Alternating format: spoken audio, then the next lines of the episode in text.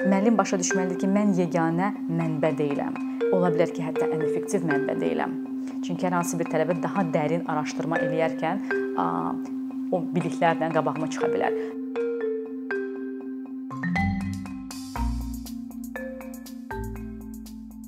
Biz 20-ci əsrdən danışsaq, bizim uşaqlığımız çox insanların uşaqlığı və 21-ci əsrin əvvəli bilirik ki, tədris prosesi necə baş tuturdu və nəyə görə belə baş tuturdu. Biz məktəbdə oxuyanda bizə deyirlər ki, müəllim müqəddəsdir və mən hardasa onun tərəfdarıyam.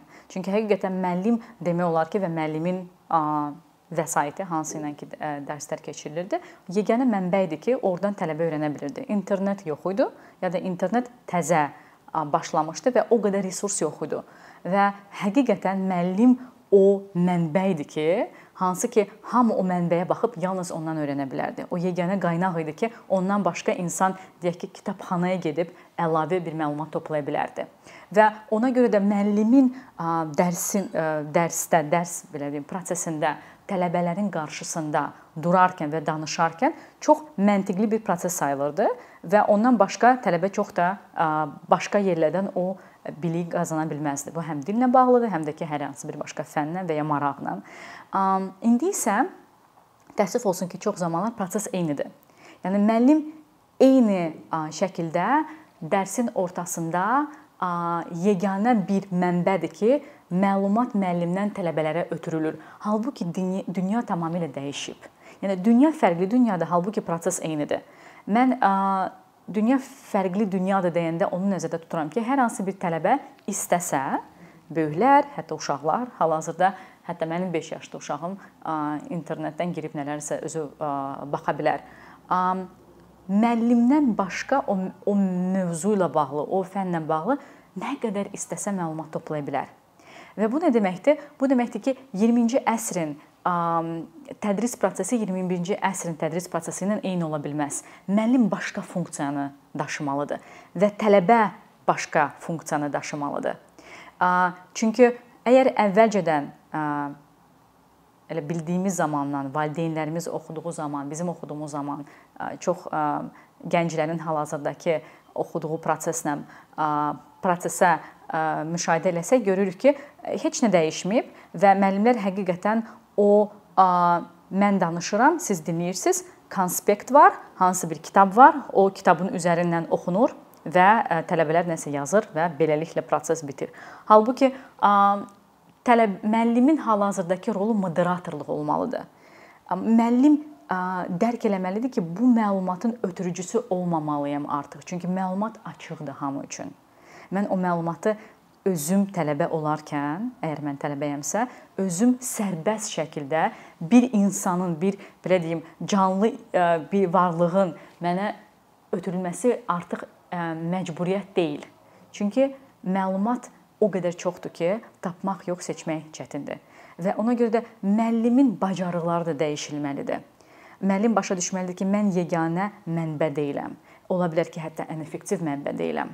Çünki hər hansı bir tələbə daha dərin araşdırma eləyərkən o biliklərlə qabağıma çıxa bilər. Və ona görə də müəllimin dil prosesi öyrənməsində və ya hər hansı bir fəndə əslində deyərdim, prosesində daha çox coaching, moderatorluq, hətta navigatorluq rolunu oynamağa da daha düzgündür.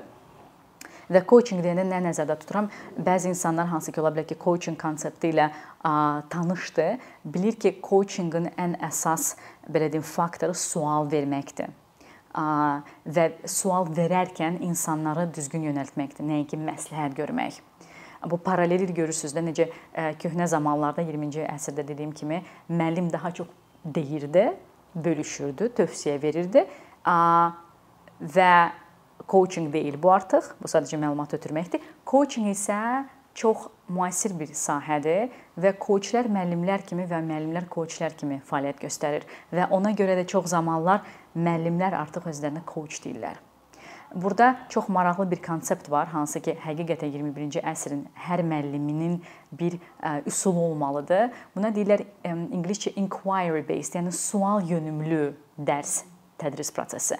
Hansında ki, müəllim çox sual verir sən bu fənn barədə bilirsən, sən bu qrammatika qayda qaydası barədə bilirsən, bu barədə nə bilirsən ümumiyyətlə? Mənə deyə bilərsən? Biz isə bunu az eşitmişik. biz daha çox dərsə girib müəllim dərsi başlayıb, sonra isə bizə bizi imtahana çəkib soruşurlar ki, biz hazırıq yoxsa yox. Burada isə görürsüz ki, necə proses dəyişir.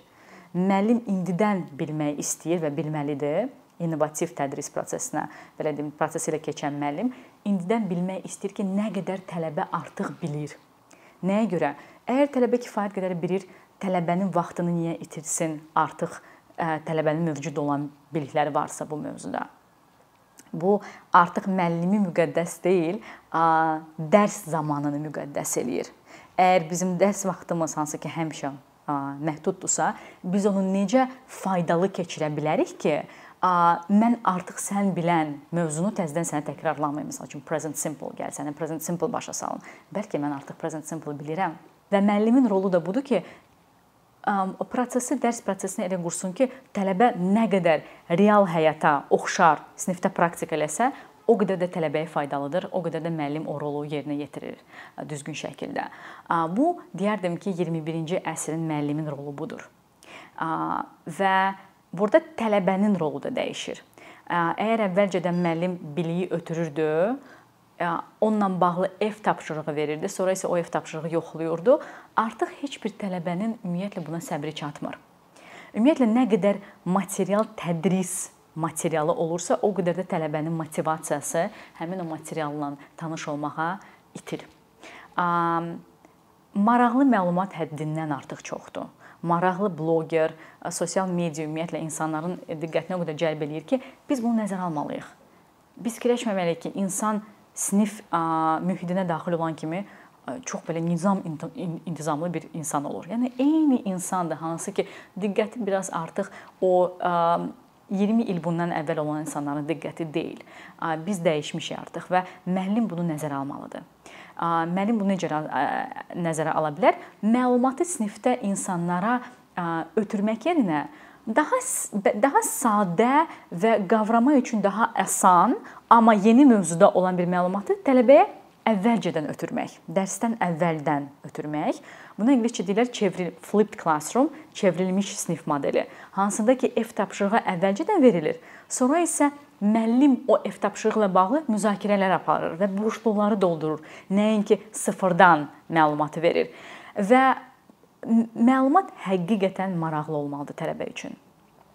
Real həyata bağlı ola bilər. Məsəl üçün hansısa bir insan deyək ki, supermarketə gedərkən bir problemlə rastlaşdı və orada o problemi izah eləməyə çalışdı ingiliscə. Alındımı, alınmadımı, hansı sözləri istifadə elədi və hər insan başa düşür ki, mən də sabah xaricdə marketə girə bilərəm və bu problemlə rastlaşa bilərəm və orada hardasa həm intriqa var, həm də ki, çox lazımlı olan bir məlumatın mövcud mövcud ol, ol, olması, ifadələr, cürbəcür sözlər və s. və tələbə artıq başa düşür ki, mən burada nəsə qazanıram.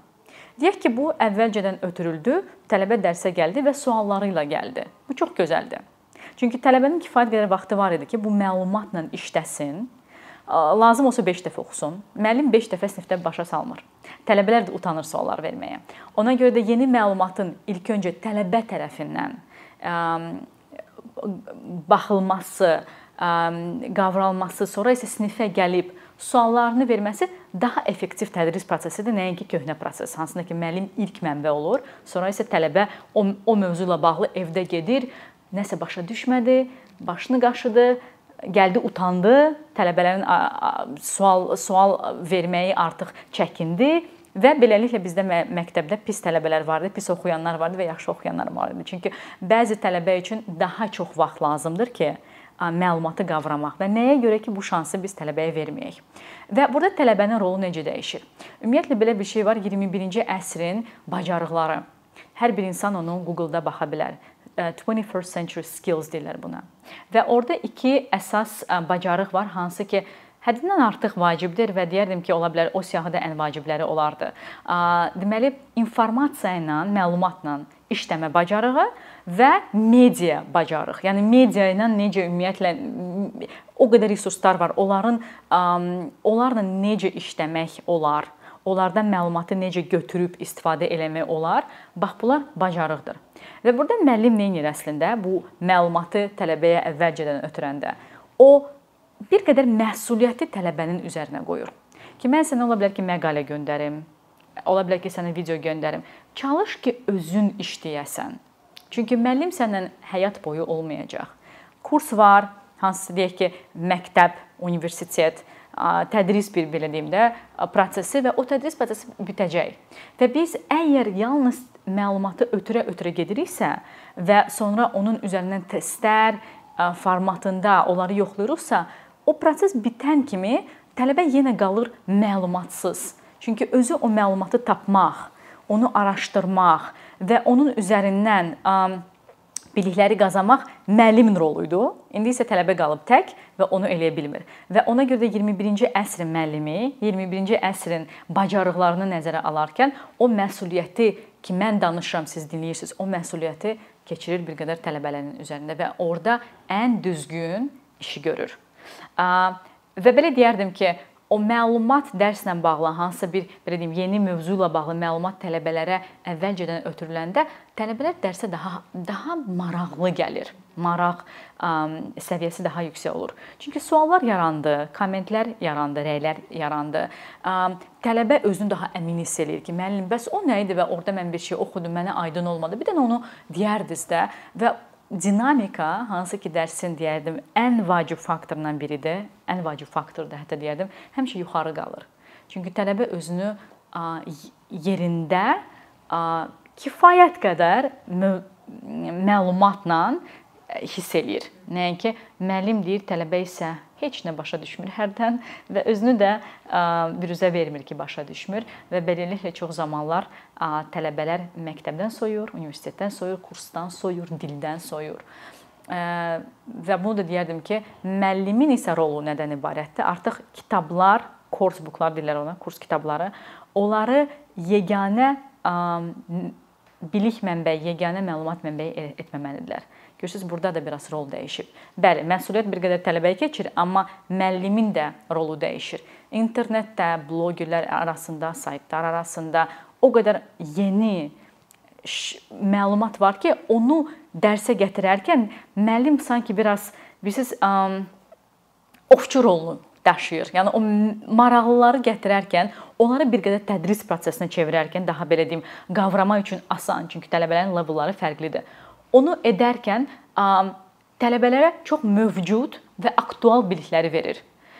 Bu vacibdir. Müəllim bunu etməlidir və yalnız kurs bookla getsə, həmin o kurs kitabları ilə hansı ki, hamımız o kitabları bilirik, çox kurslarda ilk sual olur ki, siz hansı kitabla tədris edirdiniz? Yəni bu artıq düzgün sual deyil. Kitab bir mənbədir, amma ondan başqa dediyim kimi bloqerlər, internetdə fərqli saytlar və s. və onun üzərində bir dərs qurmaq tamamilə başqa bir tələbəyə belə deyim, təcrübə verir və tələbə artıq real həyata daha hazır olur. Mənim müəllimlərə və tələbələrə olan balaca bir tövsiyəm olacaq. Dediyim kimi, tələbələr həqiqətən məlumatla sərbəst işləməyə öyrəşməlidir. Biz hətta müəllim olarkən başa düşürük ki, tələbələr gedəcək və bunu hətta onlara birinci dərsdən başa salırıq ki, müəllim və bu sinif prosesi davamlı olmayacaq. Hər hansısa moment kurs bitəcək və o məlumatla işləmək, onu tapmaq, ondan zövq almaq və özünü ilhamlandırmaq hər insanın deyərdim özünə qarşı borcudur. Biz həyat boyu tələbə olmalıyıq. Hər hansı bizə maraqlı olan məlumatla bağlı, bizə faydalı olan məlumatla bağlı. Müəllimlərə olan tövsiyəm isə odur ki, birincisi tələbələri buna ilhamlandırmaq, motivator olmaq, daha çox, nəinki hansısa bir başqa rol və dərsin planını elə qurmaq ki, tələbələr oradan həyata nə qədər yaxın fayda ala biləcəksə odur. Bu böyüklərlə bağlıdır. Buna deyilən andragogika, hansında ki, tələbələr hətta özləri böyük insanlar özləri məlumat taparkən özlərini ilhamlandırıb öyrənə bilərlər. Müəllim isə burada sadəcə yönləndirici bir qüvvə olmalıdır. Uşaqlarla fərqlidir. Uşaqlar həyatıma uyğun olsun, həyatıma faydalı olsun anlayışlarla təbii ki, öyrənmirlər. Onlara maraqlı olsun, nəsə edim, nəsə qurum və s. Burada proses fərqlidir. Andragogika və pedaqogika fərqli sahələrdir və bunu müəllim üçün başa düşmək çox vacibdir. Və uşaqlarla da prosesi elə qurmaq ki, uşaqlar ingilis dilinə qarşı və ya hər hansı bir başqa fənnə qarşı sevgi ilə yanaşsın. Biz təəssüf olsun ki, hərdən görürük ki, tələbələri gətirirlər, valideynlər uşaqları kursa gətirəndə bir qədər şikayət edirlər ki, ingilis dilinə qarşı sevgisi yoxdur və biz başa düşürük bu hardan başlayır. Çünki hardasa tətbiq etmək, məcbur eləmək, ev tapşırığı, test olacaq, qorxu ilə bax belə uşaqları o vəziyyətə salırlar ki, artıq ingilis dili onların onlar üçün neqativ bir hansı bir assosiasiya ilə bağlı olur.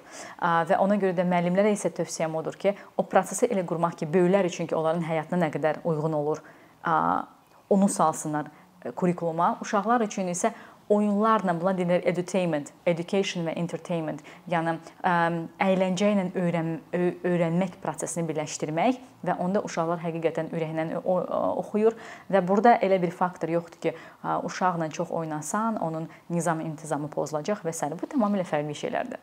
Uşaq həqiqətən zövq alırsa oxuyur. Elə böyüklər də zövq alırsa oxuyur. Əkinçinin yeni videoları haqqında məlumatlı olmaq üçün kanalımıza abunə olmağı və xəbərdarlıq funksiyasını aktivləşdirməyi unutmayın. İmkandan istifadə edərək cari patronlarımıza işlərimizi davam etməyə yardım olduqları üçün dərin təşəkkürümüzü bildiririk. Əkinçinin Patreon icmasının üzvü olaraq siz bizim təşəbbüsə dəstək göstərməklə bərabər hazırladığımız materialları hər kəsdən öncə izləmə imkanı əldə edəcəksiniz.